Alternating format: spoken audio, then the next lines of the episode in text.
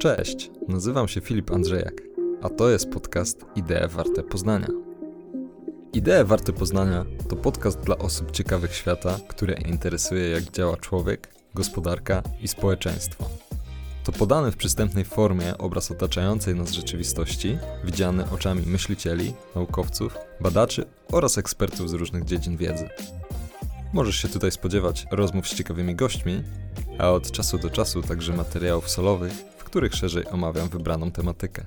Dzięki za obecność i zapraszam do słuchania.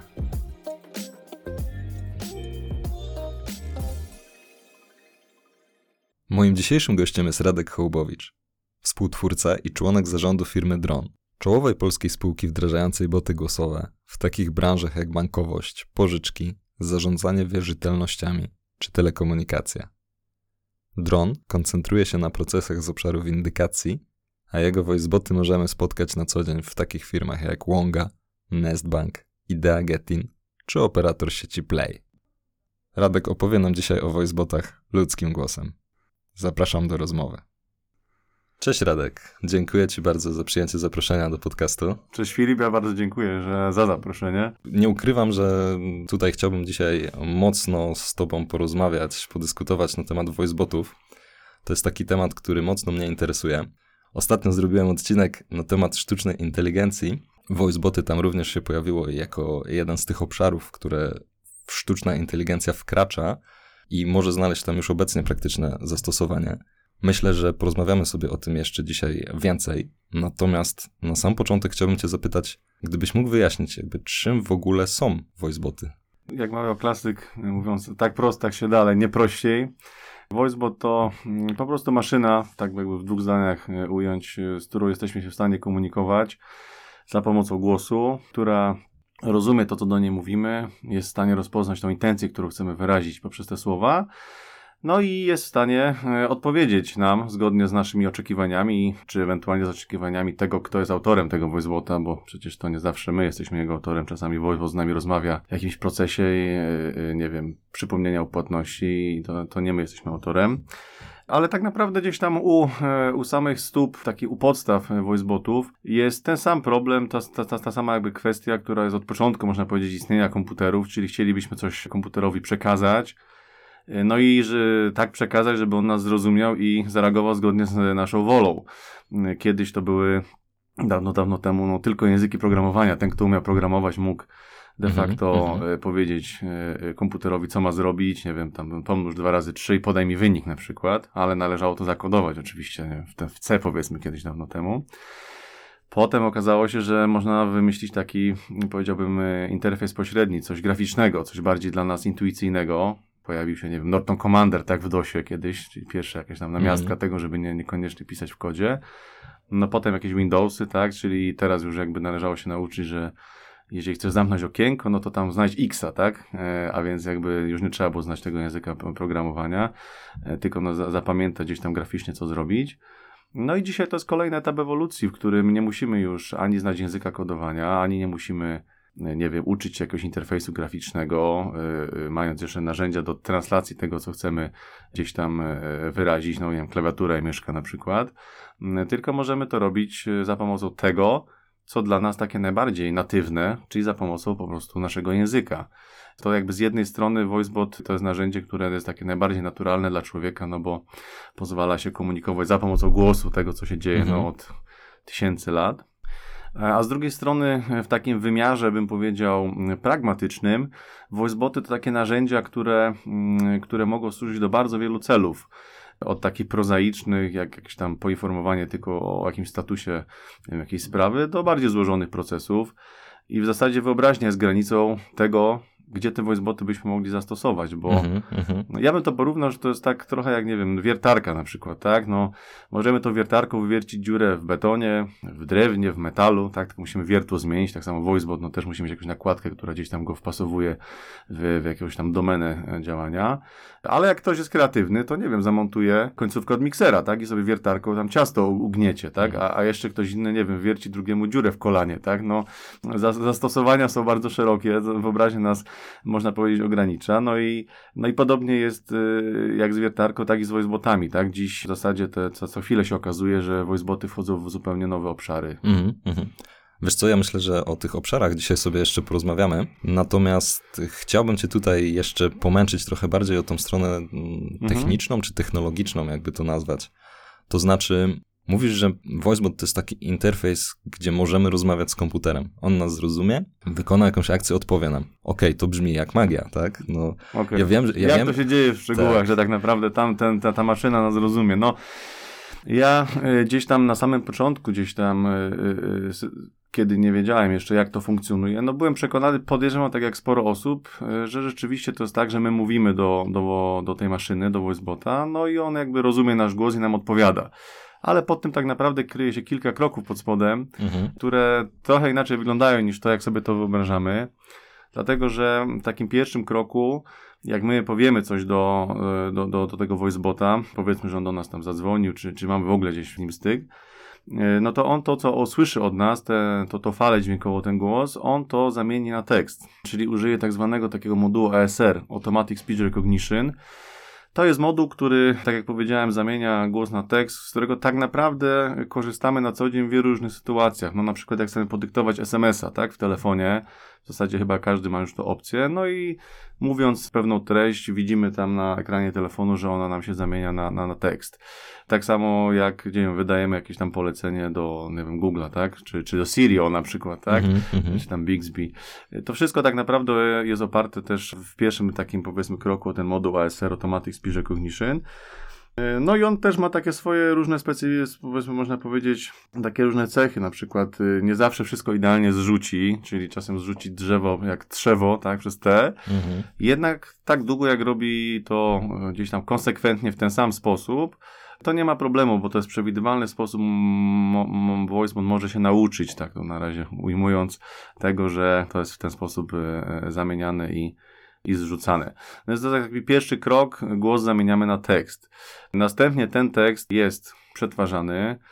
Dziś taką dominującą technologią w zasadzie, która, no można powiedzieć, dystansowała wszystkie inne technologie jest deep learning, czyli głębokie sieci neuronowe głębokie, bo składają się z wielu warstw, sieci neuronowe, no bo de facto one mają w pewnym sensie odzorować jakby pracę ludzkiego mózgu. Mhm. No i ten tekst jest tam analizowany. Jeżeli to tekst, no to jak się łatwo domyślić, będą tam problemy językowe do rozwiązania, a więc ta dziedzina wiedzy, dziedzina tych problemów nazywa się NLP, Natural Language Processing, czyli przetwarzanie języka naturalnego, tej naszej mowy, to o czym mówiłem na początku, że dziś potrafimy się tak, y, znaczy nie tylko potrafimy, mamy możliwość komunikować się z voicebotami swobodną mową, to jest ogromny postęp y, tak naprawdę względem tego, co, co było jeszcze kilka lat temu, mhm. kiedy ta technologia tych, tego deep learningu nie była jeszcze tak dobrze rozwinięta, nie było też takiej możliwości pod kątem y, no w ogóle rozpowszechnienia tej, tej technologii.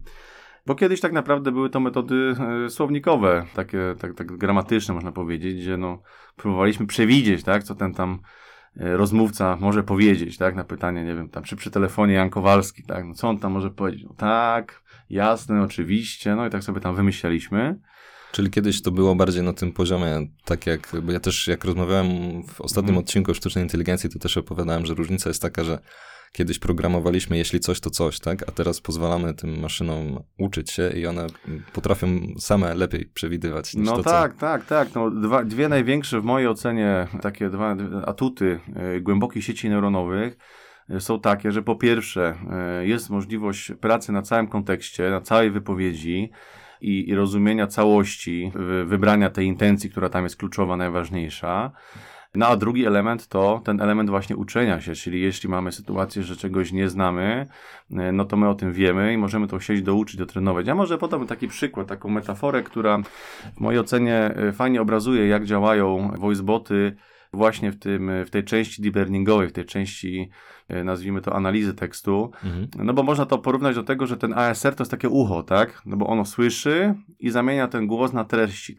Natomiast te treści są analizowane w takim mózgu, bym powiedział, voicebota. No i tym mózgiem e, nie zawsze, ale dziś w, w, w dużej mierze jest właśnie deep learning, głębokie sieci neuronowe, które znowu są taką trochę, bym powiedział, wiertarką, tak jak powiedziałem wcześniej, no bo to jest mhm. pewne narzędzie, tak, do rozwiązywania problemów z różnych obszarów. Za pomocą sieci neuronowych możemy rozwiązywać problemy z obszaru głosu, czy powiedziałbym tekstu, tak, no jak powiedziałem NLP, nie mylić z programowaniem neurolingwistycznym, bo to często, czyli neurolinguistic programming, to to jest dobieranie odpowiednich słów bardziej w komunikacji, czy tam przy sprzedaży, żeby mówić, nie wiem, wyzwanie, nie problem. Natomiast to tutaj jest zupełnie inny obszar. No ale też możemy na przykład rozwiązywać problemy z obszaru obrazu na przykład, za pomocą właśnie sieci neuronowych, to również narzędzie do tego, a także wielu, wielu innych dziedzin. No i teraz, żeby dokończyć ten przykład, który wcześniej chciałem e, podać jako metaforę, jak to działa. No więc kiedy zamienimy ten głos na tekst i on trafi do sieci neuronowej, to mamy taką sytuację, że ta sieć neuronowa próbuje znaleźć tam pewne intencje, które chcemy wyrazić. No i tak naprawdę proces przygotowania czy uczenia tej sieci neuronowej wygląda trochę tak jak z małym dzieckiem w domu, tak? Mamy, wyobraźmy sobie jakieś dwuletnie dziecko, któremu pokazujemy 50 zdjęć psów i mówimy, słuchaj, zapamiętaj sobie, tak wyglądają psy. Mhm. E, potem pokazujemy mu 50 zdjęć kotów i mówimy, słuchaj, zapamiętaj sobie, tak wyglądają koty. Y, na co to dziecko zwróci uwagę, my do końca nie wiemy, tak? Czy ono zapamięta, o, koty mają puszyste ogony, dłuższe wąsy, pazurki. My tego nie wiemy, tak samo jak my nie wiemy trochę, co się dzieje wewnątrz sieci neuronowej, tak? To mm. trochę jest taki black box. Ale wiemy, że w przewidywalny sposób to dziecko, jak będzie szło na przykład ulicą, powie nam, jak przebiegnie przed nim zwierzę, że słuchaj, y, na 99% to jest pies, tak? Albo kot. Albo ani kot, ani pies, coś innego powiedzmy, że przebieg kangur. Mhm. No i wtedy, jak przebieg kangur, mówimy, okej, okay, słuchaj, poczekaj, proszę bardzo, 50 zdjęć kangurów. Zapamiętaj sobie, tak wyglądają kangury. Znowu nie wiemy tam na co dokładnie to dziecko zwróci uwagę, ale wiemy, że ono następnym razem bardzo dobrze rozpozna, z bardzo dobrą skutecznością rozpozna psa, kota, kangura, no albo powie, że to znowu coś innego, tak? Mm -hmm. No i tak jak może być nieskończenie, nieskończenie wiele zdjęć kotów na przykład, czy psów, bo przecież tych zdjęć mogliśmy dokładać nieskończoność, tak samo y, może być nieskończenie wiele sposobów wypowiedzenia danej intencji, tak? Wyrażenia danej intencji, no bo chcąc powiedzieć na przykład, że y, wyrazi intencję, że ktoś już zapłacił, tak? Powiedzmy, że to jest akurat jakiś tam monitoring płatności, proszę powiedzieć tam do kiedy pan zapłaci, a człowiek odpowiada, y, czy chce wyrazić intencję, że on zapłacił. On może to wyrazić na nieskończenie wiele sposobów, tak? No mm. przecież ja zapłaciłem, przecież środki są już u was, y, przecież no, ja już wam przelałem, no i nie będę wymyślał, tak? Samo potwierdzenie, że ktoś jest przy telefonie, my chyba mamy zgrupowane na tam ponad 260 sposobów jakby. Samo potwierdzenie, czy w telefonie Jan Kowalski. Tak, wydawało się. Tak, jasne, oczywiście, tak? Mm. Tymczasem tu się okazuje, że znacznie więcej. Oczywiście, że to ja, ja, kogo się spodziewaliście. Jaha, tak? Niektórzy odpowiadają. Także, mm, no i tak kończąc ten wątek tej metafory, przekładając to na warstwę działania voicebota, on w ten sam sposób rozpoznaje intencje, które my chcemy wyrazić, ale ta innowacja polega na tym, że tą intencję możemy wyrazić na nieskończenie wiele sposobów, swobodną mową tym, co nas, dla nas najbardziej naturalne. A jeśli się okaże, że pojawiło się coś, z czym się wcześniej nie spotkaliśmy, to jeśli jest to w ramach danej intencji, to raczej sobie Voicebo z tym poradzi, bo zrozumie dookoła kontekst i tak mhm. e, rozpozna to prawidłowo. A jeśli nie, my to wiemy, widzimy, że jest brak rozpoznania, możemy to oznaczyć, kangur, kangur, kangur, kangur, dorobić jeszcze trochę zdjęć kangurów z neta, no i zmultiplikować te przykłady do takiego poziomu, który pozwoli wytrenować sieć neuronową w rozpoznawaniu danej intencji, ten model sieci neuronowej, do tego stopnia, że on sobie z tym poradzi. Następnym razem powie, uwaga, kangur. Mhm, mhm. Czyli to jest to wszystko, co dzieje się w mózgu voicebota, jeżeli będziemy się trzymać tej metafory. Tak. Natomiast dokładnie. mamy tutaj chyba jeszcze jeden etap, no bo ten, ta maszyna musi nam odpowiedzieć. Dokładnie. No, ostatni ten, ten element, powiedzmy trzeci, to element taki, jak już sieć neuronowa przetworzy ten tekst, rozpozna intencje, jak je rozpozna, no to zgodnie z zaprojektowanym dialogiem podąży odpowiednią ścieżką tego dialogu, tak? Czyli jeśli tam, czy przy telefonie Jan Kowalski usłyszy intencję potwierdzenia, no to zgodnie ze ścieżką tam powie tam dzień dobry, dzwonię tam, żeby, albo powie proszę o podanie daty urodzenia w celu weryfikacji, bo nie zawsze e, ten, ale powiedzmy, że powie, powie nam z jakiego sprawy dzwoni. E, no i żeby to powiedzieć, to y, musi wygenerować tą odpowiedź tekstową właśnie z mózgu, mhm. a następnie tak jak nasze usta, kończąc metaforę jakby ucha, mózgu i ust, e, ją odczytać, czyli wypowiedzieć. No i tu mamy taki moduł tekstu speech, on się nazywa TTS, czyli zamiany, mm, jak sama nazwa wskazuje, tekstu na głos, który nam to odczyta. No i tutaj znowu jest to moduł, z którym tak naprawdę na co dzień się też stykamy, tak? Jak, nie wiem, nawigacja Google coś do nas mówi, mm to ona właśnie najpierw odczytuje wcześniej tekst, który wygenerowała zapewne sieć neuronowa e, Google'owa, ale tak naprawdę ten moduł TTS to też nie jest jakaś taka rzecz, która jest z nami, nie wiem, od roku, czy dwóch, czy pięciu, bo no, słynna Iwona, chociażby w Polsce, ta, ta, ta, która czyta zapowiedzi na dworcach, to jest też TTS tak naprawdę, czy, mm -hmm. czy kiedyś był syntezator mowy w Windowsie, tak, można było mm -hmm. się tam bawić, mhm. jak on odczytuje śmiesznie, czy w Google Translate, jak coś piszemy i nam czyta. Wszystko to są tak naprawdę TTS-y. I to też jest jakby osobna gałąź w ogóle tej branży, czy, czy dziedzina wiedzy, bym powiedział. No bo tam jest też bardzo dużo różnych ciekawych zagadnień odnośnie tego, ile potrzeba głosu z czyjejś osoby, żeby móc de facto generować z taką skutecznością i jakością wypowiedzi, jakby brzmiały wypowiadane mm -hmm. przez tą mm -hmm. osobę.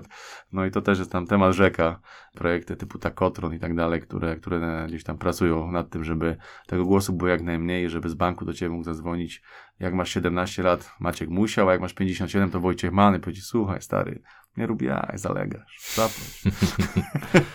tak, tak, znaczy to też mi się tutaj od razu kojarzy z innym tematem, już tam deepfake'ów i tak dalej, ale to, to, to Dokładnie. zupełnie zupełnie, Do mając... tego jeszcze obraz i jak to teraz tak, się w sądzie bronić. Tak, dokładnie. Mając odpowiednią liczbę informacji, będzie można wygenerować dowolny obraz i dowolny głos danej osoby. Oczywiście. Ale myślę, że to już jest temat na zupełnie tak, inny. Gany te, Geneva, tak. Adversarial Networks, to wszystko, no, tak, tak. No, także to... Wszystko to, temat rzeka, także. Tak, to już, to już temat też myślę, że na jakiś tak. inny materiał. Natomiast co dzisiaj jeszcze chciałem? No bo tak, mamy rok 2021. E, jak to nagrywamy? Początek roku 2021. Jakbyś mógł powiedzieć, w jakim tak faktycznie stanie jest technologia voicebotów? Jakby jak to jest zaawansowane, bo z tego co ja robiłem research, to faktycznie wygląda na to, że w ostatnich latach nastąpił duży postęp właśnie dzięki sztucznej inteligencji.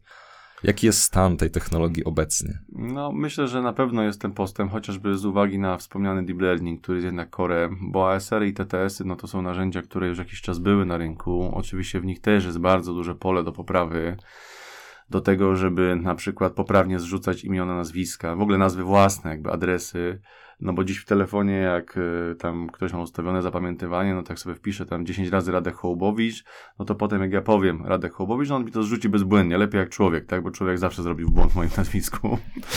e, no ale on już zapamięta, że to jest to jakby, nie? Natomiast gdzieś tam e, jakby może skupić się na takich trzech kluczowych elementach, które wspomniałem, czyli ASR, e, Deep Learning i TTS, czy może deep learning szerzej, no ten mózg jakby drona, no to postęp jest duży przede wszystkim w mojej ocenie y, z powodu tego środkowego elementu, tego mózgu kluczowego. Tak jak powiedziałem, dziś możemy się komunikować swobodną mową, a nie słownikami, a więc nie ma, bo wcześniej to były dialogi pod tytułem tam potwierdź tak, jeśli chcesz coś tam, albo powiedz mm -hmm. nie, tam, jeżeli chcesz odebrać paczkę tam, czy coś takiego, że nie chcesz, albo nie wiem, datę urodzenia na przykład, trzeba było mówić, podaj dzień, tak, piąty, tam, podaj coś tam i tak dalej. Dziś możemy po prostu zadać to w jednym pytaniu, także to jest myślę, że duży progres. Tak samo te moduły zamieniające no, no, tekst na głos na tekst to są też rzeczy, gdzie tam jest duży progres, choć no, one są zawsze obarczone jakimś tam błędem. Tak więc jakby spojrzeć z lotu ptaka, uważam, że to jest trochę uwarunkowane jakby nie tyle produktem, co pewnym jakby przełamaniem takich barier na rynku, strachu, żeby w ogóle z tego skorzystać. Wydaje mi się, że z jednej strony dzisiaj mamy taką sytuację, że te voiceboty są już dość dobrze rozpowszechnione, e, przynajmniej w tej branży, w której my mamy doświadczenie, czyli przede wszystkim branża finansowa. Mhm. Ale z drugiej strony to dla zawsze, jak rozmawiam, jest taki, taki powiedzmy strach, czy to sobie poradzi, tak? Czy to nie sprawi, że popalę e, sprawy, tak? Czy tam jakichś klientów, e, czy, czy, czy nie spadną mi na przykład w tych procesach akurat monitoringu podnosi odzyski, ale no nie wiem, w jakichś innych tam nie, nie będzie negatywnego odzewu, a więc tracę premię, tak? A więc nie wiem, rozejdzie się informacja, że to, że to wprowadziłem projekt do organizacji, który w sumie nie, nie, nie przyniósł jakby korzyści. Także no to, to jest też taki szerszy problem, który dotyka tego, że wydaje się, że w zasadzie voicebota może każdy zrobić, tak? No bo mhm. skoro ASR, no to bierzemy jakiś klocek, tak? W cloudzie ASR-owy. Skoro tam deep learning, no to mamy TensorFlow, tak? No dobra, to tam to jakoś tam postawimy i też gdzieś tam w chmurze. Potem TTS-y też przecież mamy w cloudzie klocki takie sasowe. No i co? No i mamy voicebota w zasadzie, tak? No, mamy ASR, mamy TTS, mhm. jakiś tam sobie model wykręcimy yy, na przykład właśnie na TensorFlow. No ale okazuje się, że to nie, to nie jest takie proste. No właśnie, bo co, co tutaj będzie kluczowe, żeby ten voicebot dobrze działał, żeby on był wysokiej jakości? No to jest myślę, że wypadkowa wielu, wielu czynników, ale uważam, że bardzo ważnym czynnikiem jest domain knowledge taki, czyli uwaga, nie technologia, technologia oczywiście jest bardzo ważna, ale jakby posiadanie pewnej wiedzy dziedzinowej z, z tego, jak funkcjonuje dany obszar, na przykład obszary windykacji właśnie dla nas bliższe, ale na przykład obszar jakiś sprzedażowy, tam prewalidacji lidu sprzedaży, czy oceny satysfakcji e, z, z przeprowadzonych jakichś tam rozmów, na przykład tak zwanego NPS-a, mhm. ta, ta, tam mi się wydaje, że znajomość taka głęboka tej danej dziedziny, w której chcielibyśmy realizować tego wezbota, bardzo dużo ułatwia, jeśli chodzi o konstrukcję e, tego narzędzia i jego zastosowanie, no bo tak jak powiedziałem na początku, no te trzy elementy można złożyć, tylko no co dalej jakby, dalej trzeba wiedzieć, a jak to opakować, sprzedać, B, jak to wdrożyć, a przecież jest cała warstwa telekomunikacyjna jeszcze w tle, tak? No przecież ten WOD i na, najczęściej, mówię, realizując procesy gdzieś no, dzwoni, nie mówię o jakichś tam asystentach na lotnisku, tak, z którymi rozmawiamy, no bo to też de facto są voiceboty. Yy, więc ten domain knowledge to w moim zdaniem jest taki kluczowy pierwszy element. No i drugi element oczywiście mm, to są takie czasem rzeczy, na które w zasadzie wydawałoby się, że jak ktoś jest tam zaawansowany technologicznie, no to by się roześmiał, tak? Na przykład głos, którym rozmawia ten voicebot, tak? No wydawałoby się, że no, głos jak głos, no, żeby go zrozumieć i tak dalej. Tymczasem nie, to jest trochę jak jak bym powiedział, kolor lakieru w aucie. No to nie jest kluczowe, ale jak jest nieładny, to tego auta nie kupimy po prostu, tak? Jest jakiś tam zupełnie niepasujący nam czy żonie. Więc podobnie jest trochę z voicebotem. Jak prezes banku czy tam ubezpieczalni słyszy voicebota, no to on nie wchodzi w szczegóły, a jaka jest skuteczność weryfikacji po adresie u państwa? Nie, on sobie tam raz go usłyszy i powie, eee, taki głos? Nie. Mm-hmm, Takie mm-hmm. coś nie będzie u nas chodziło. Tak więc to są, to są takie różne drobiazgi. Tak samo ten end of speech, jeszcze o tym y, powiem, bo to też jest ciekawe.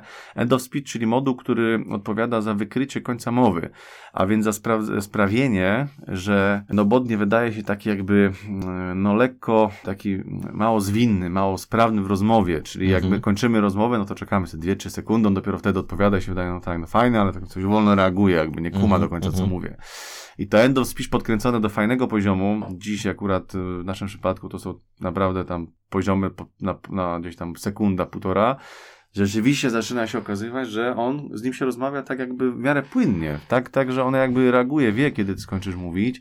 No i to znowu, że jest taka rzecz, która no, zero-jedynkowo się na wynik nie przekuje ale tworzy to całą taką UX-ową otoczkę jakby rozmowy, z tym sprawia, że znowu to nie jest tak, że o Jezu, znowu dzwoni voicebot, tam trzeba będzie czekać, nie zrozumie i tak mm -hmm, dalej, mm -hmm. tylko już się okazuje, że da się fajnie rozmawiać z tym voicebotem, że da się tą sprawę załatwić. A oprócz tego, co oczywiście dla tego, dla kogo pracuje voicebot, e, fundamentalne, czyli wyniki. No i pewnie istotną kwestią, jak przy wszystkich tutaj rzeczach związanych ze sztuczną inteligencją, jest też to, żeby mieć dużo danych i czym więcej ten mózg przepracuje, na czym więcej case'ów zrobi, tym bardziej da się go pewnie udoskonalić. Poprawnie, tak, tak. jeśli się mylę. Oczywiście, aczkolwiek no to jest, powiedziałbym, taka krzywa logarytmiczna, czyli wiadomo, że te efekty na początku są naj, największe, mm. a potem wpadamy w taki bardzo długi ogon edge case'ów, tak, czyli Przykładowo raz na milion rozmów na pytanie, czy przy telefonie Jan Kowalski trafi się odpowiedź jem śniadanie, tak? Po prostu ktoś tak odpowie. Mhm. No i teraz pytanie brzmi, tak? Czy dotrenowywać model o ten jeden case tam, czy modyfikować go? Taki case'u powiedzmy z, nie wiem, nie jeden, a 900. Czy, czy, czy nie skupić się na tych, które wystąpią trochę więcej razy i, i jakby no, no to zawsze jest tak, takie, takie, takie, takie pytanie. Także. To już nadawanie takich smaczków, powiedzmy, tutaj w komunikacji pewnie bardziej. No, smaczki w komunikacji to jest jedno, dwa to skupienie się na tym korze. To jest właśnie taka pułapka tych testów, które często się odbywają przed uruchomieniem jakby na produk produkcyjnym voicebota klienci zawsze chcą, żeby dać im do testu to zrozumiałe i oczywiste, żeby sobie przedzwonili, porozmawiali z voicebotem. No, ale niestety, jak jest to, nie wiem, 10 osób z organizacji i tam pierwsze trzy razy rozmawia z voicebotem, czy pięć, powie w miarę normalnie przejdzie tę ścieżkę, a teraz y, mhm. za szóstym razem już będzie, dobra, to teraz wymyślmy coś, żeby złamać tego voicebota. No i zaczynają tam wymyślać, tak, różne odpowiedzi, które na produkcji się nie zdarzają, albo zdarzają się bardzo, bardzo rzadko, jakby, no ale mówią, no kurczę, no nie obsłużył jakby tego, nie? Dlaczego on nie obsłuży tam, nie wiem, jak ja tam chrząknę, yy, zrobię i coś tam, tak? No i, no i to jest jakby taki, mm, taki bias tego, że, że to nie jest statystycznie reprezentatywne, bo potem na produkcji obserwujemy, że sobie świetnie radzi. Takie przypadki się zdarzą, ale to jest, nie wiem, 0,01% wszystkich rozmów. Czyli jakby to jest w zasadzie nie wpływa na całość, a mhm. przy monitorowaniu jakichś reklamacji, no to w zasadzie jest pełna kontrola tego, jak to, jak to działa. No dobrze, to teraz może porozmawiajmy Chciałbym Cię zapytać jeszcze o, o takich kilka kwestii. Mhm. Nazwijmy to dział teraz prawdy i mity, tak sobie powiedzmy. Czy to jest e, teraz tak, że są takie voiceboty, których rozmawiając z którym nie da się już odróżnić, że rozmawia się z voicebotem, a nie z człowiekiem? Według mnie nie, dlatego że mm, nawet w voicebotach, a są tacy, takie podmioty na rynku, które e, po prostu nagra, nagrywają prompty, tak? Czyli nagrywają lektora, podkładają to w procesie jakimś tam prostym, no i tam rzeczywiście, e, dzień dobry z tej strony, tam, nie wiem, dział sprzedaży tam firmy X, tak, jakiejś firmy wodowodajcznej. No ale potem jest ten moment, w którym należy odpowiedzieć, tak? Po zadaniu pytania, które brzmieć zupełnie jak człowiek, no bo to jest nagrany lektor, czyli wydaje nam się, że rzeczywiście do nas mówi człowiek. E, no jeśli nie, nie udzielimy modelowej, idealnej odpowiedzi, jeśli nie jest dobrze ustawiony end of speech, a to jest naprawdę duże wyzwanie, żeby, żeby to dobrze gdzieś tam skonfigurować, no to większość osób się zorientuje, także z drugiej strony nie, to jednak nie jest jakby człowiek. No i nasze badania jednoznacznie pokazują, bo prowadziliśmy też takie badania w 2015 roku, że niedobrze było odbierane, jak voicebot nie przedstawiał się, że jest voicebotem, z wirtualnym agentem, asystentem wirtualnym, mm -hmm. tylko właśnie mówił. Mówił, a ci ludzie i tak się potem orientowali. Niektórzy na pierwszym, niektórzy na trzecim pytaniu. E, ale jednak się orientowali, czuli się oszukani, czuli się wprowadzeni w błąd, że kurczę, to przecież jest maszyna, nie? I, i jakby, y, no, odzew był taki, że żeby gdzieś tak, żeby gdzieś o tym informować. Tak więc my dziś rekomendujemy, żeby jednak się przedstawić i nie oszukiwać, nawet jeśli brzmimy idealnie jak człowiek, albo bardzo zbliżenie bo zawsze jednak jest no, ten wątek tego testu Turinga, można powiedzieć, mm -hmm, tak? Mm -hmm. Czyli, czyli czy, ile minie czasu, jak się zorientujesz, że, że z drugiej strony jest maszyna, nie człowiek. E, no i dziś tam chyba rekord świata, ale to na czacie wynosi chyba 5 minut tam z hakiem, jak pamiętam, czy 6 e, bo tam chyba jest taki ten, nie wiem, wydaje mi się, że to jest tak chyba, że 30 czatów, tam część to są ludzie, a część maszyny, tak, no i gdzie, gdzie, gdzie, gdzie człowiek, gdzie maszyna. E, no i w przypadku VoiceBota można próbować w tym kierunku iść, ale na dzień dzisiejszy w mojej ocenie technologia nie pozwala dojść, dojść do punktu, w którym będziemy myśleli, że z drugiej strony jest człowiek, a to będzie maszyna z uwagi na wiele elementów mhm. związanych z głosem, z czasem interakcji, z odpowiedzią, no i z tym, że zawsze jak zrobimy ten test Turinga, powiemy, nie wiem, la la la la la, co ty na to, to on odpowie, przepraszam, nie zrozumiałem, proszę powtórzyć. Mhm. To nie będzie naturalna odpowiedź. No właśnie, gdybyś tu jeszcze mógł powiedzieć tak z punktu widzenia właśnie klienta, osoby, która rozmawia z mhm. voicebotem, i w jaki sposób, jakby czym się różni ta rozmowa, tak na takich naj, naj, najważniejszych powiedzmy punktach? Po czym to można rozpoznać, że rozmawiamy z voicebotem? No, ja myślę, że odpowiadając pół żartem, że nie da się wyprowadzić z równowagi. To, to okay. na pewno. To no, Brakuje emocji. Tak. Znaczy, te, mówię, emocje można ewentualnie wprowadzić jakby tonem wypowiedzi, tak? Można to akcentować, robić głośniej, e, ciszej i tak dalej. Natomiast co do zasady, te rozmowy są na pewno konkretniejsze. I tak jak powiedziałem wcześniej, no my akurat się zawsze przedstawiamy, że jesteśmy wirtualnym agentem, a więc on wie, ten klient, że rozmawia z dronem, e, więc jednocześnie wie, że no nie ma sensu iść jakieś dygresje, jakieś argumenty, które no w zasadzie nie, nie wniosą za wiele. Ten dron się będzie trzymał tej ścieżki, którą ma z, e, zrealizować, tego skryptu. Co w sumie jest jakby dobre, bo przekuwa się na ten krótszy czas rozmowy, na efektywniejsze te rozmowy, też brak empatii na pewno. To jest taka cecha voicebota, bo to może być oczywiście plus i minus, tak? No jeżeli ktoś nie chce rozmawiać, no to po prostu się wyłączy, tak? No względem mm. drona jest, e, czy voicebota w ogóle jest empatia zero, więc po prostu wyłączamy się, tak? Względem agenta ludzkiego, no to przynajmniej z uwagi na nasze dobre wychowanie, można powiedzieć taką empatię, no damy tej dziewczynie czy chłopakowi, no dokończyć chociaż zdanie, tak? Czy tam powiedzmy wypowiedź i zadać pytanie, wtedy powiemy sorry, ale no jakby teraz nie, nie chcę rozmawiać, nie? Natomiast finalnie, skoro powiedzieli to samo, a na koniec efekt jest taki, że się rozłączyli, no to zmarnowali trochę czasu tego agenta. No więc ta empatia, mówię, w tym wydaniu jest, y, wydaje mi się, na niekorzyść akurat agentów ludzkich w porównaniu do, do voicebotów. No na korzyść tylko ewentualnie w sytuacjach, w których gdzieś tam mm, ktoś chciałby e, coś dodatkowego uzyskać, ugrać. No ale tutaj znowuż to jest kwestia zaprogramowania dialogu de facto, tak? I, i, i na przykład mamy takie sytuacje, gdzie jak ktoś odmawia na przykład za spłaty, e, za pierwszym razem, no to jest powiedzmy inna odpowiedź, jak za drugim to na przykład wychodzi jakaś propozycja, tak? Ale dopiero za drugim razem. Trochę tak jakby agent zrobił strategię rozmowy, można powiedzieć, mm -hmm, bo mm -hmm. dziś te voiceboty wchodzą w, w, w, w, negocjacje, może nie jakieś zaawansowane, ale jednak i są w stanie, nie wiem, ustalać jakieś tam wysokości płatności, a jeśli ktoś się nie zgodzi, to im zejść trochę jakby przy drugiej propozycji. Także wydaje mi się, że gdybym miał tak zebrać to w, w punkty, to pierwszy konkretniej, stricte z tym, co jest zaplanowane, nie odbiegając na boki, czyli można być trochę efektywniej, z brakiem e, empatii, ale jednak jako korzyścią uważam finalnie. No i trzeci element jest taki, że, że jest też anonimowo. To też jest ważne dla wielu ludzi, mhm. E, w zależności oczywiście od procesów, ale ci ludzie często się e, czują bardziej komfortowo, chociażby w tych obszarze monitoringu płatności, ale też udzielania jakichś pożyczek czy kredytów no nikt nie ocenia, tak, w rozmowie, nikt nie, nie wiem, nie słychać po głosie, że ktoś jest skrzywiony, tak, że, że, że, że coś tam sobie myśli, po prostu jest to zupełnie anonimowo, gdzieś tam komfortowo, zresztą też takie badania były robione po, po wdrożeniach i tam był zdecydowanie pozytywny odbiór. 95% osób powiedziało, że w sumie było dla nich obojętne albo nawet na korzyść, jak do nich dzwonił voicebot, bo no bo właśnie było bardziej anonimowo jakby. Także to zależy od procesów oczywiście, nie wszędzie mhm. ta, ta, ta, ta weryfikacja jest wymagana. No dobrze, a powiedz jeszcze, dlaczego w ogóle firmy miałyby, czy, czy dlaczego firmy wdrażają voiceboty? Jakby w czym voicebot może być lepszy od takiego żywego konsultanta? Jakby, mhm. Gdzie tu są jakieś różnice, przewagi? No, to jest szerokie spektrum wątków tutaj, które można poruszyć. Od takiego najbardziej oczywistego, którym pewnie każdy sobie gdzieś tam w głowie z tyłu myśli, czyli no pewnie są tańsze, tak? Mm. Ale to finalnie tak naprawdę ta, ta cena i koszt y, to jest taka powiedzmy wypadkowa wielu innych elementów bo, e, bo nie zawsze cena jest najważniejsza. E, po drodze jest jeszcze jakość, a na koniec wyniki tak naprawdę i dopiero do tego niektórzy wolą zapłacić ciut więcej, a mieć wyniki na jakimś tam poziomie przewidywalnym bardziej. Tak więc może ja bym się skupił na, na innym elemencie e, w tym pytaniu, czyli na tym, na takich cechach dronów, czy dronów, voicebotów bym powiedział szerzej, tak, chociaż akurat oczywiście mówię na naszym przykładzie, które sprawiają, że voiceboty już dziś mają i myślę, że będą miały coraz większą przewagę przy realizacji mm, procesów, w mm, szczególności masowych procesów, względem agentów ludzkich. Ta przewaga to jest e, przede wszystkim uwolnienie się od takiego wiecznego paradygmatu zależności od zasobów, czyli jeśli chcemy jakiś, e, jakąś kampanię przeprowadzić w call center, czy w contact center, CC, bo może będę się posługiwał, będzie prościej, mm -hmm.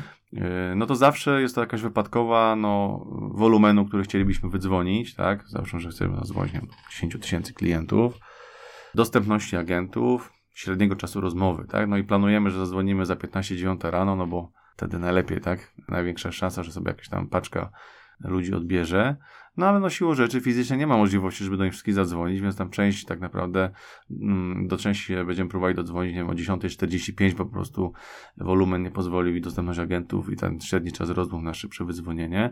Tymczasem dron jest się w stanie, yy, czy, czy voiceboty zeskalować w jednostce czasu, tak? I jeżeli mamy jakieś tam okienko, nie wiem, 30-minutowe i dowolny wolumen, no to czy rozmawia 1, 11 czy 21 voicebotów, nie ma znaczenia, on się po prostu idealnie skaluje horyzontalnie, więc y, to, to jest jakby takie, taka rzecz, która no, no w CC raczej będzie ciężko to zrobić, no trzeba by zaprosić 100 osób na pół godziny, potem dziękuję, zapraszam o 14, jak będziemy drugą próbę dzwonili, tak?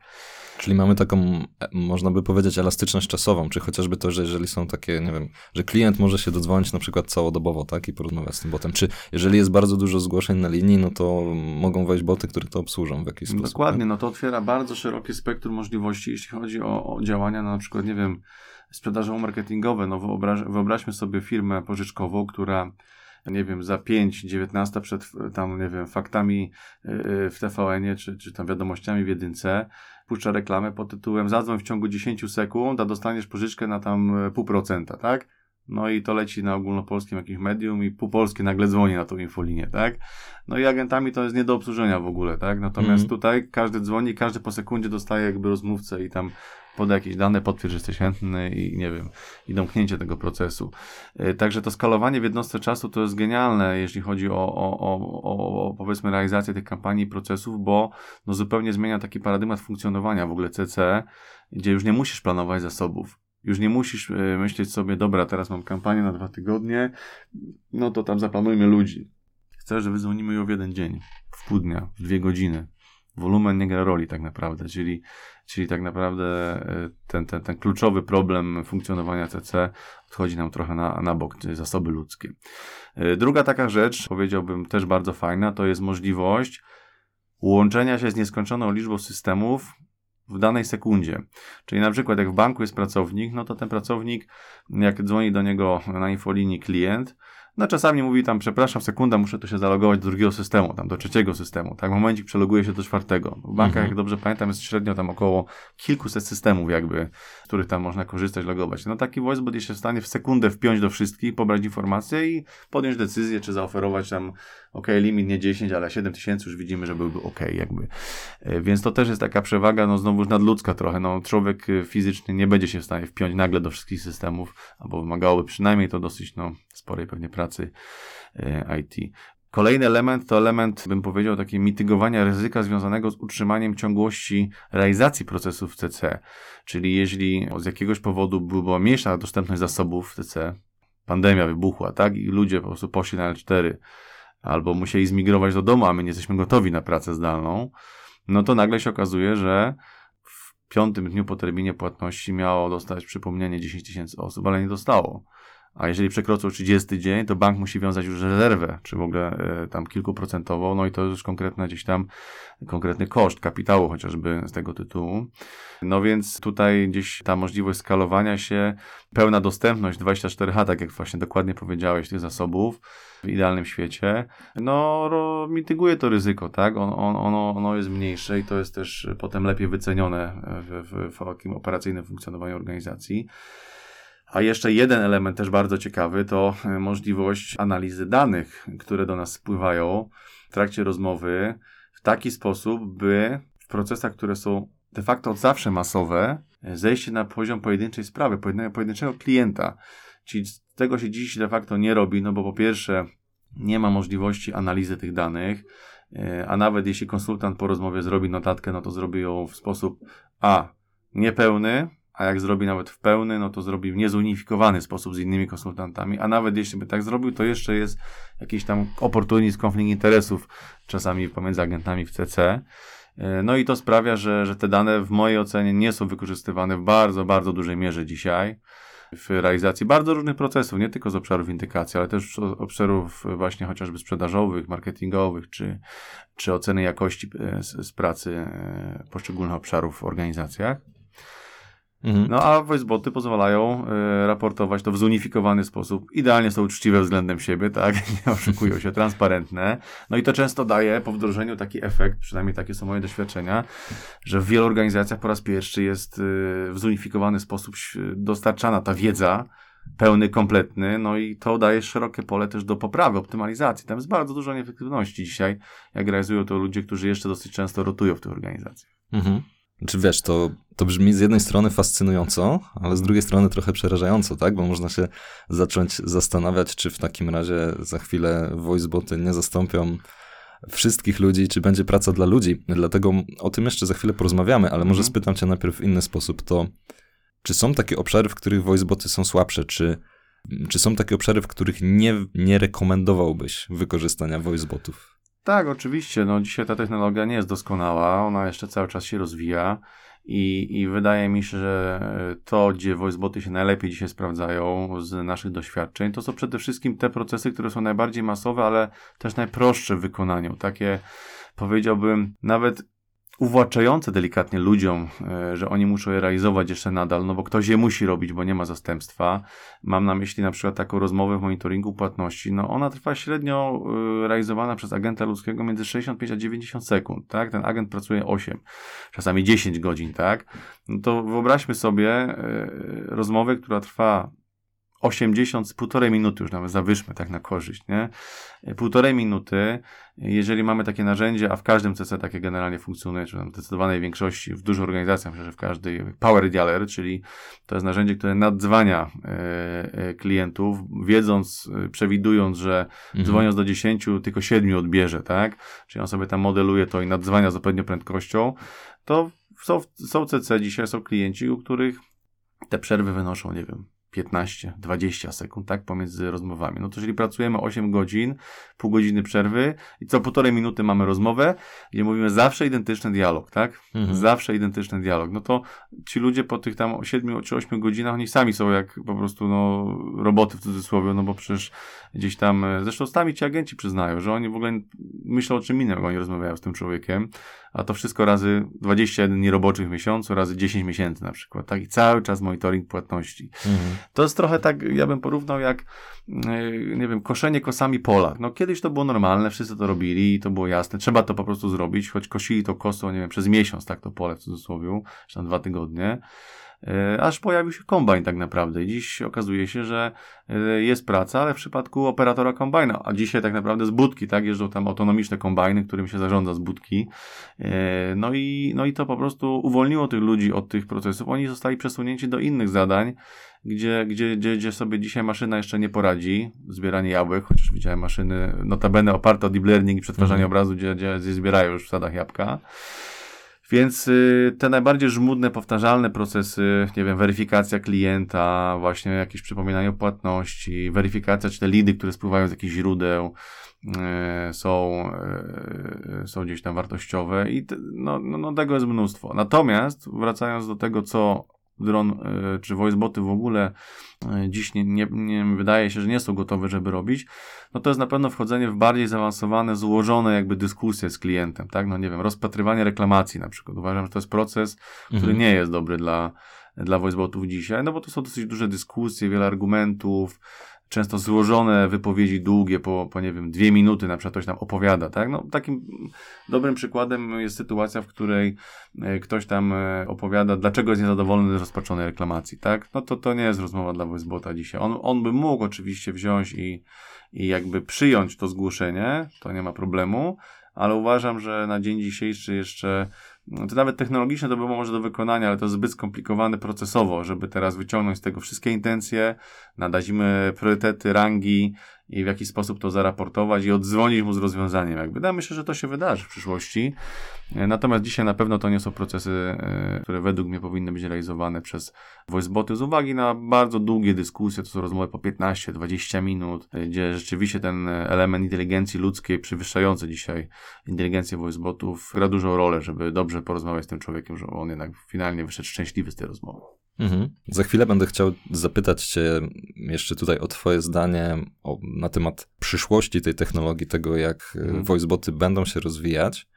Natomiast tutaj jeszcze zamykając ten wątek takich prawd, mitów tego, jak ta technologia wygląda obecnie, mm, przychodzi mi do głowy tu jeszcze jedno takie pytanie. Powiedz, jak w ogóle wygląda tutaj kwestia z językiem polskim. Jak boty sobie radzą? Bo, bo wiemy, że nasz język być może jest specyficzny, być może nie? Jak, jak tutaj wygląda ta sytuacja? Wydaje mi się, że, że język polski nie jest jakoś wielce odbiegający, jeśli chodzi o trudność w, w wytrenowaniu voicebotów, no bo no nadal będzie jakby metodyka działania ta sama, tak? Czyli w największym uproszczeniu znajdź przykłady w dużym wolumenie najlepiej i wytrenuj sieć neuronową. Ona sobie sama te przykłady gdzieś tam e, znajdzie sobie te cechy, po których rozpozna sobie te intencje na, nagrania na przykład.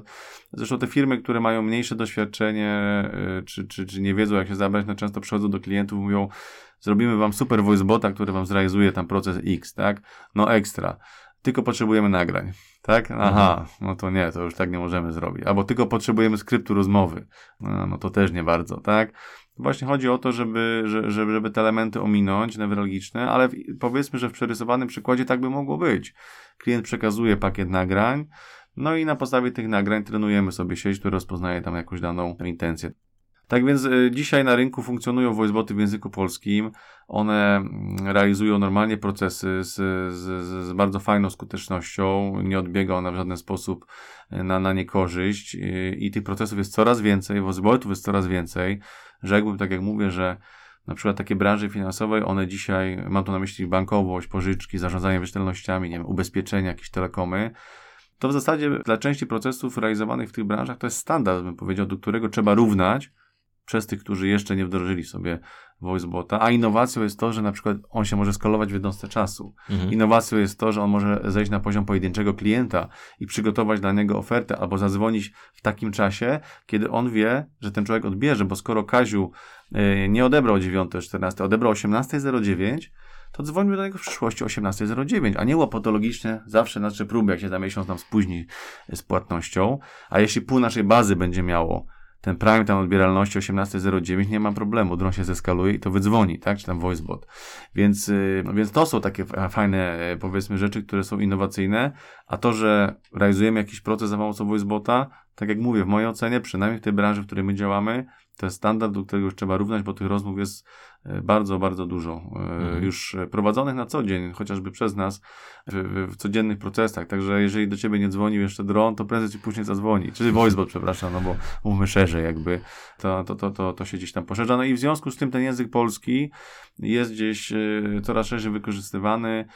No i przyjmując tą metodykę działania, nie, nie, nie jest to, no, nie zaryzykowałby, że to jest language independent metodyka, no ale generalnie powiedzmy znając tą to całe kroki, które należy przeprowadzić, żeby takiego voicebota wytrenować, potem go utrzymać, kontrolować jakość też z produkcji, bo to jest bardzo ważne.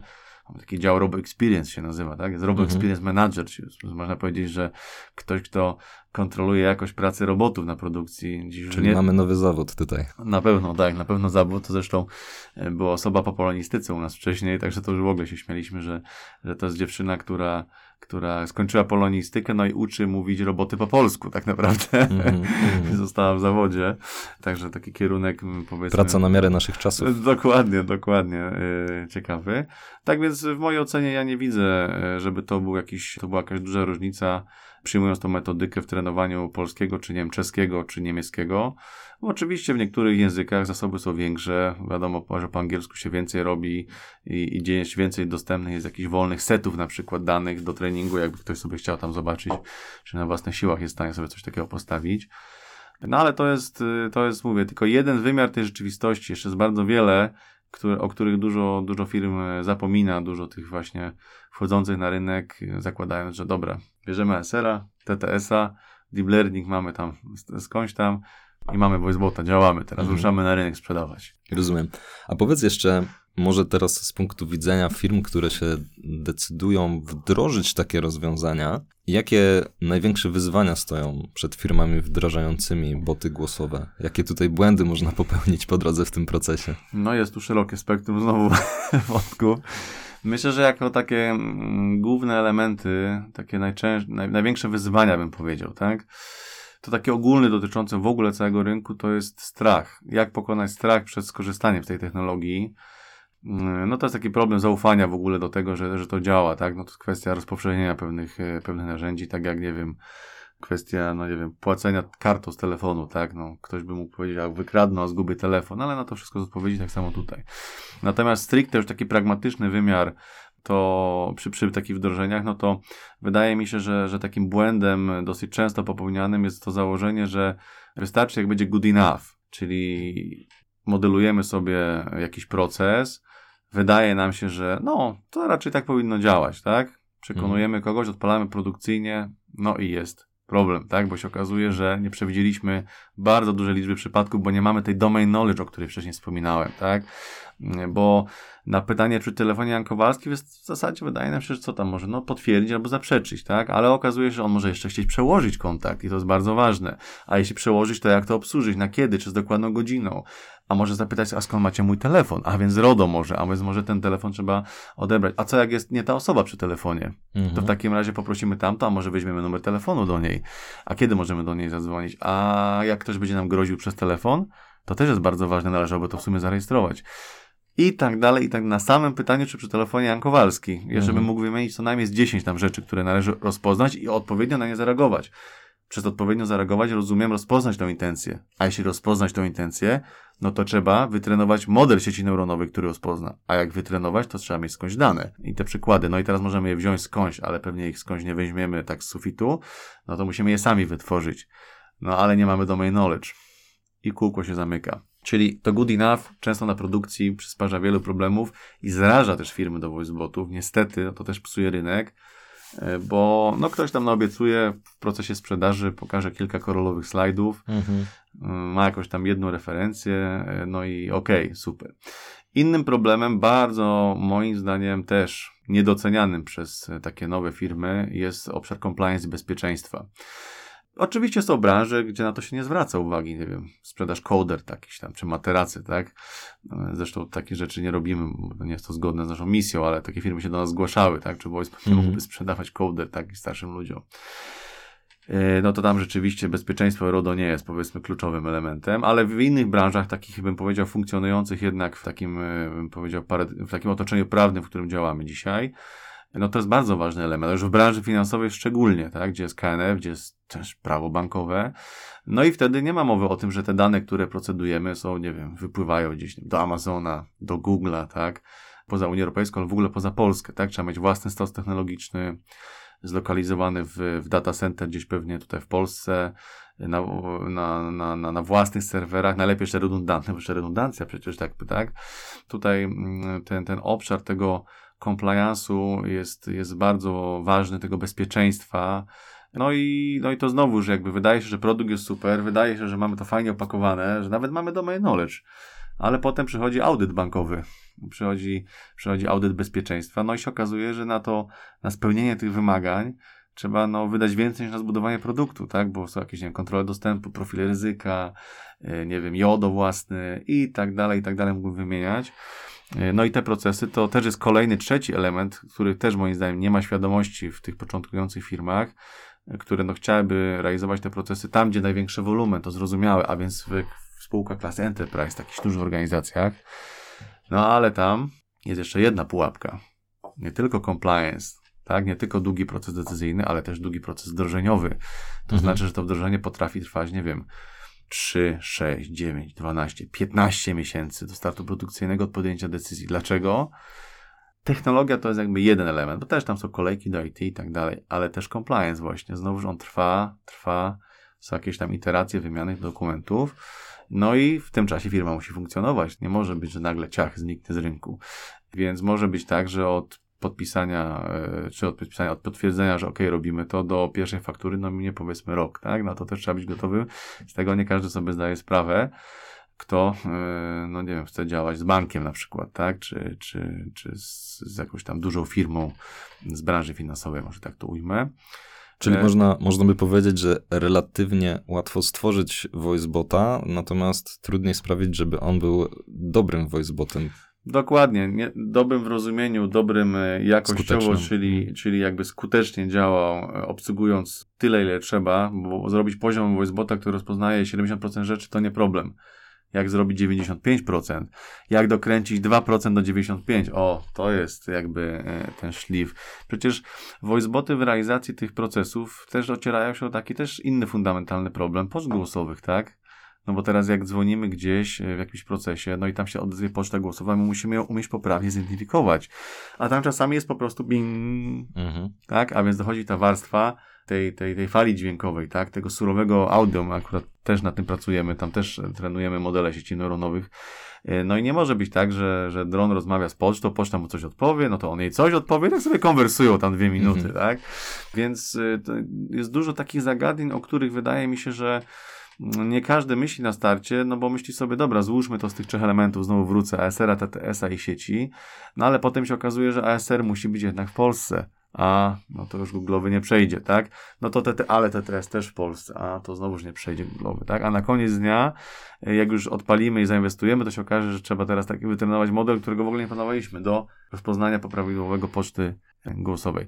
Także jak to mawiają, wszystko jest trudne, im stanie się proste, ale ta droga jest czasami zawiła i trzeba mieć dużo takiej wytrwałości, konsekwencji, no i też szczęścia oczywiście, żeby udało się pozyskać i przekonać klientów do tego, żeby to uruchomili, bo tak jak powiedziałeś, każde uruchomienie produkcyjne to jest bardzo dużo doświadczenia, wiedzy, tego domain knowledge, Stąd ja też zawsze, jakbym miał jakąś jedną radę wydać do kogoś, kto planuje otworzyć voicebota, to powiedziałbym fokusuj się. Fokusuj się jak najgłębiej, zawęż sobie tą domenę, ale zrób to dobrze.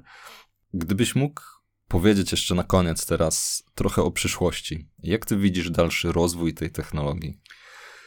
No myślę, że to są, to jest kilka wymiarów takich. Pierwszy wymiar to jest wymiar tego głosu, tego TTS-a. Myślę, że to, co, o czym tutaj napomknąłem, się wydarzy. To znaczy, że nieduża liczba godzin, na przykład 200 godzin nagrań przytycznego Wojciecha Mana chociażby, pozwoli na, na stworzenie narzędzia, które y, to mówi jego głosem, tak? Czyli to, co napiszemy, ono to czytuje, brzmi w zasadzie jak Wojciech Mann.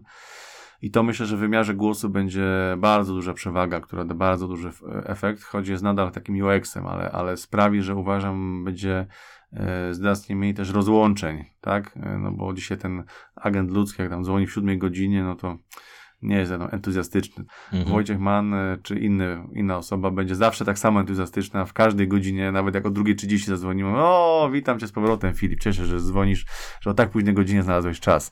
Czym mogę ci pomóc? Bo jeszcze jest wątek call steeringu, którego w ogóle nie poruszyliśmy, o tym też mogę jeszcze dwa słowa za chwilę powiedzieć. Czyli to jest jeden wątek TTS-a. Jeśli chodzi o wątek samego voicebota, e, no to w mojej ocenie największa przyszłość na ten moment jest w wykorzystaniu tych danych, o których wspominałem, które nie są dziś rozmowy wykorzystywane, bo nie ma ich zbierać, nie ma ich notować, nie ma ich raportować.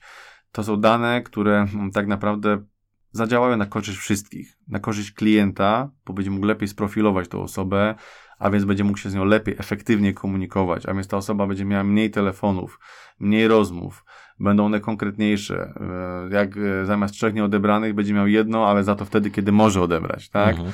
A jak do niego e, będzie z tą osobą rozmawiał, no to pamiętając historię, będzie potrafił wykorzystać. Mam nie tylko na myśli historię odbieralności, ale historię rozmów.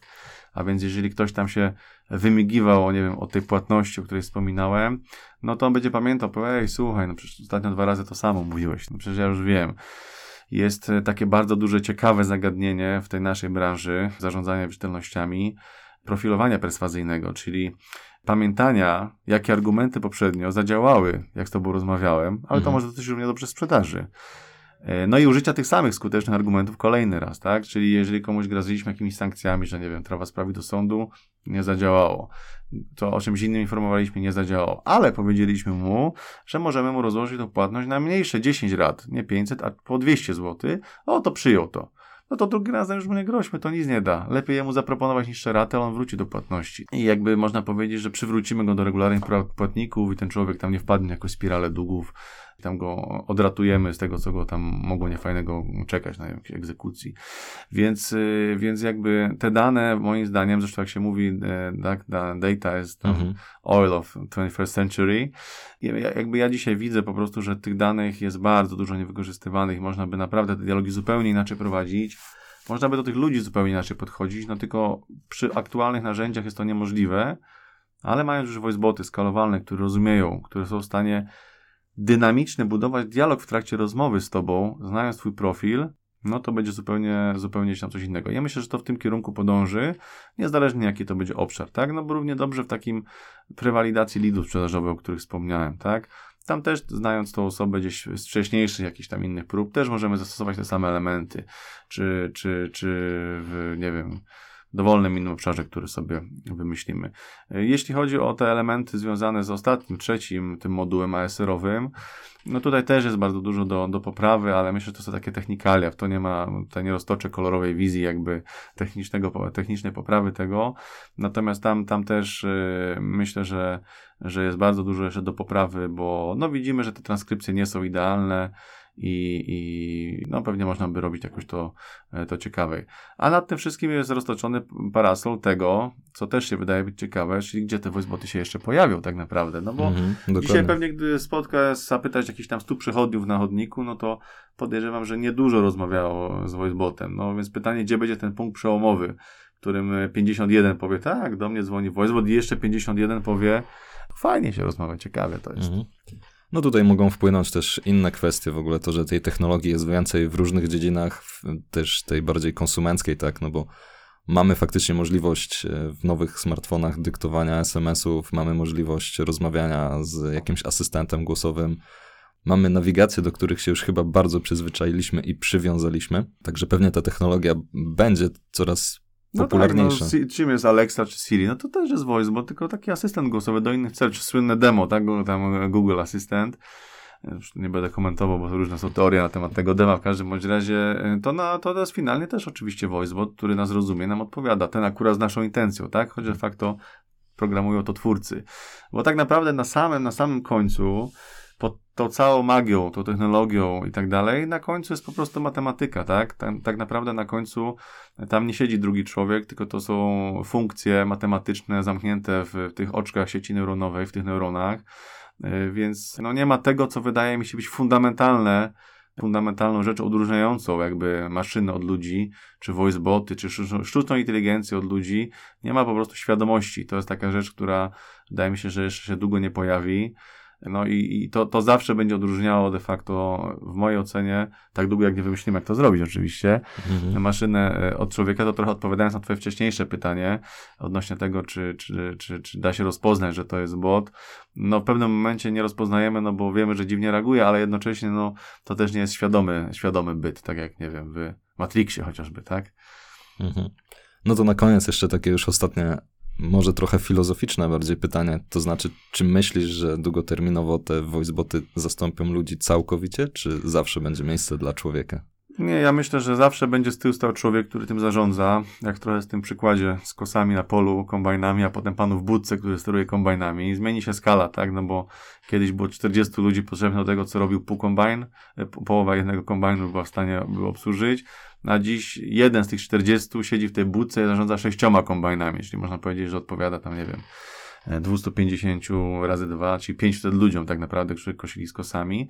My obserwujemy taką tendencję i to, to zazwyczaj, powiedziałbym, rzekłbym, że jest prawidłowość, że te osoby w, w tych procesach, no bo zawsze, że dron dostał jakiś wolumen, 5000 spraw do obsługi, które wcześniej, dzień wcześniej robili ludzie no to by się wydawało, że ci ludzie zostaną zwolnieni, tak, stracą pracę. Ale tak naprawdę oni są przesuwani, po ile, jakby wolumen potrzeb jest, jest jakby naprawdę bardzo duży w organizacjach, w, w, bardzo różnych procesach i najczęściej te osoby są po prostu delegowane do innych zadań, tam gdzie dron sobie nie poradzi, tam gdzie jest niedobór jakiś, gdzie można by więcej przedzwonić, e, no bo, bo, dziś na przykład y, voiceboty, tak jak powiedziałem, tymi zaawansowanymi, trudnymi rozmowami sobie nie poradzą ze spatrzeniem reklamacji. Dzięki temu te procesy są realizowane szybciej, efektywniej też e, czasami można powiedzieć skuteczniej, tak? No y, i to gdzieś powiedzmy jest takie, taka optymalizacja wewnątrz organizacyjna, także wydaje mi się, że roboty, voiceboty nie, nie zastąpią ludzi, bo a, zawsze z tyłu będzie musiał być jednak człowiek, a b, jeszcze długa droga przed nami, żeby no, one miały tak szerokie zastosowanie, by realizowały wszystkie te procesy, które są dzisiaj realizowane, ale pewnie na poziomie CC no jest duża szansa, że pewnego dnia będą ci tak zwani, jak to ktoś nazwał, pasterze robotów, czyli będzie koordynator, który koordynuje CC, w którym są tylko roboty. No bo my de facto yy, świadcząc tą naszą usługę w outsourcingu, bo tylko w outsourcingu ją świadczymy, to działamy w sumie jak takie CC, tak? Tylko, mhm. że nie mamy agentów na słuchawkach, tylko roboty dzisiaj, więc, więc myślę, że to będzie w tym kierunku zmierzało i pewnego dnia pewnie będzie można zastąpić to operacyjne, takie fizyczne CC, wyzwaniające fizycznie prowadzące rozmowy e, w całości, co zresztą widzimy w naszym przypadku w procesie windykacji, bo dziś de facto zamykamy bardzo dużą część tego procesu od windykacji polubownej przez tam prawno i tak dalej. I, i, I bardzo, bardzo wiele tam tych procesów jest realizowanych. Nie wszystkie, ale to się poszerza. Także w innych dziedzinach też myślę, że tak będzie. Czy sprzedażowych, czy marketingowych, czy jakichś tam obsługowych, tam e, mam na myśli jakiś customer care. Czyli zostawiasz nadzieję tutaj dla ludzkości na to, że będzie, znajdzie się, znajdzie się do nas miejsce i będziemy mieli co robić, a, a może też dzięki tym botom po prostu będziemy w stanie funkcjonować lepiej, efektywniej. Dokładnie, nastąpi po prostu transformacja. No dzisiaj ogłoszenia o pracę na, na kosiarza z kosą na pole, no nie znajdziemy zapewne, przynajmniej w Polsce choć pewnie są miejsca, gdzie dzisiaj, no, do dzisiaj się kosi, mimo że minęło tam ponad 100 lat tak, od prowadzenia kombajnu. No i tak samo będzie z tą dziedziną, tak? No pewnie z czasem okaże się mniej ogłoszeń na, nie wiem, e, konsultanta do obsługi monitoringu płatności chociażby, ale za to potrzebne są nowe role, tak? Robo Experience Manager, potrzebny jest koordynator, który tam będzie zarządzał jakby prędkością wyzwania na przykład, czy czymś innym. Więc nastąpi po prostu transformacja, która zresztą już dzisiaj się dzieje, no bo my te procesy realizując też kształtujemy trochę to, jakie są potrzeby w CC, w tej branży finansowej i ona już, już się transformuje i ta transformacja będzie następowała, jednak pojawią się te nowe role, więc jakby myślę, że po prostu wymagające trochę innych, bardziej nowoczesnych kwalifikacji. No, ale to też się pewnie przełoży na po prostu nowe jakieś tam wiem, kierunki studiów pewnie z czasem i, i zapotrzebowania rynku. Czyli warto śledzić tą technologię i być może zainteresować się, bo to może być przyszły zawód przyszłości. Tak jest. Jak, jak zadzwoni do nas Wojzu, bo to znak, że, że trzeba o tym zacząć intensywnie myśleć, ale tak, myślę, że to jest, to jest najbardziej naturalne dla człowieka, komunikacja głosem i wydaje mi się, że, że, że, że tam ta rola e, z jednej strony powinna się utrzymać, z drugiej strony widzimy też taką tendencję młodszych osób do jednak komunikacji asynchronicznej, do tego, że nie chce nikt tam dzwonić w różne miejsca, rozmawiać, wolałby sobie to załatwić jakby, no nie wiem, czatem, biznes Whatsappem, czy, czy różnymi E, innymi kanałami. Więc to też jest e, pewnego rodzaju taki, taki kierunek kolejnej ewolucji, w którym mm, ten voicebot będzie jednym z kanałów Omnichannelu, ale kto wie, czy dominującym, a może nie dominującym właśnie, bo, bo, te, bo te asynchroniczne kanały e, będą też wygodniejsze dla ludzi z uwagi na to, że nie ma potrzeby wtedy interakcji z człowiekiem, a dzisiejsze mm, młodsze pokolenie, że tak to ujmę, też y, no, ma bardzo szerokie spektrum, jeśli chodzi o narzędzia y, do tego, żeby, żeby do komunikacji prowadzić bez kontaktu bezpośredniego. Dziękuję Ci bardzo za dzisiejszą rozmowę. I takie ja również bardzo, bardzo fajnie się rozmawiało. Wyjaśnienie, wyjaśnienie ludzkim językiem zagadnienia botów głosowych. Dzięki. Dziękuję bardzo, starałem się w miarę prosto mówić. Mam nadzieję, że nie tak. za wiele. I taka uwaga na koniec. Radek e, siedział tutaj jako Radek z krwi i kości, nie jako voicebot, e, jeśli ktoś miałby wątpliwości. Tak jest, potwierdzam, że na, na razie to jeszcze ja, ale może pewnego dnia ta kotron sprawi, że wyślę tylko kod i, i, i Filip będzie mógł wygenerować moje wypowiedzi sobie po prostu. Tak, ja zaczynam się stresować, e, bo być może stracę tutaj rolę w podcastach. Na rzecz robotów. Myślę, że z takim fajnym prowadzeniem to jeszcze daleka droga, żeby cię Voicebot zastąpił. No i, i tego się będę trzymał. Dzięki. Fajnie, wielkie. pięknie dziękuję za rozmowę. I to już wszystko w dzisiejszym odcinku. Kolejny pojawi się już niebawem. Zapraszam Cię na stronę internetową ideewartepoznania.pl. Możesz tam się zapisać na powiadomienie o nowym odcinku. Aby dowiedzieć się więcej o kulisach produkcji oraz nadchodzących materiałach, zapraszam Cię do śledzenia mojego profilu w mediach społecznościowych. Znajdziesz mnie na Facebooku, Twitterze oraz LinkedInie pod hasłem Filip Andrzejek. Pozostajemy w kontakcie. Do usłyszenia.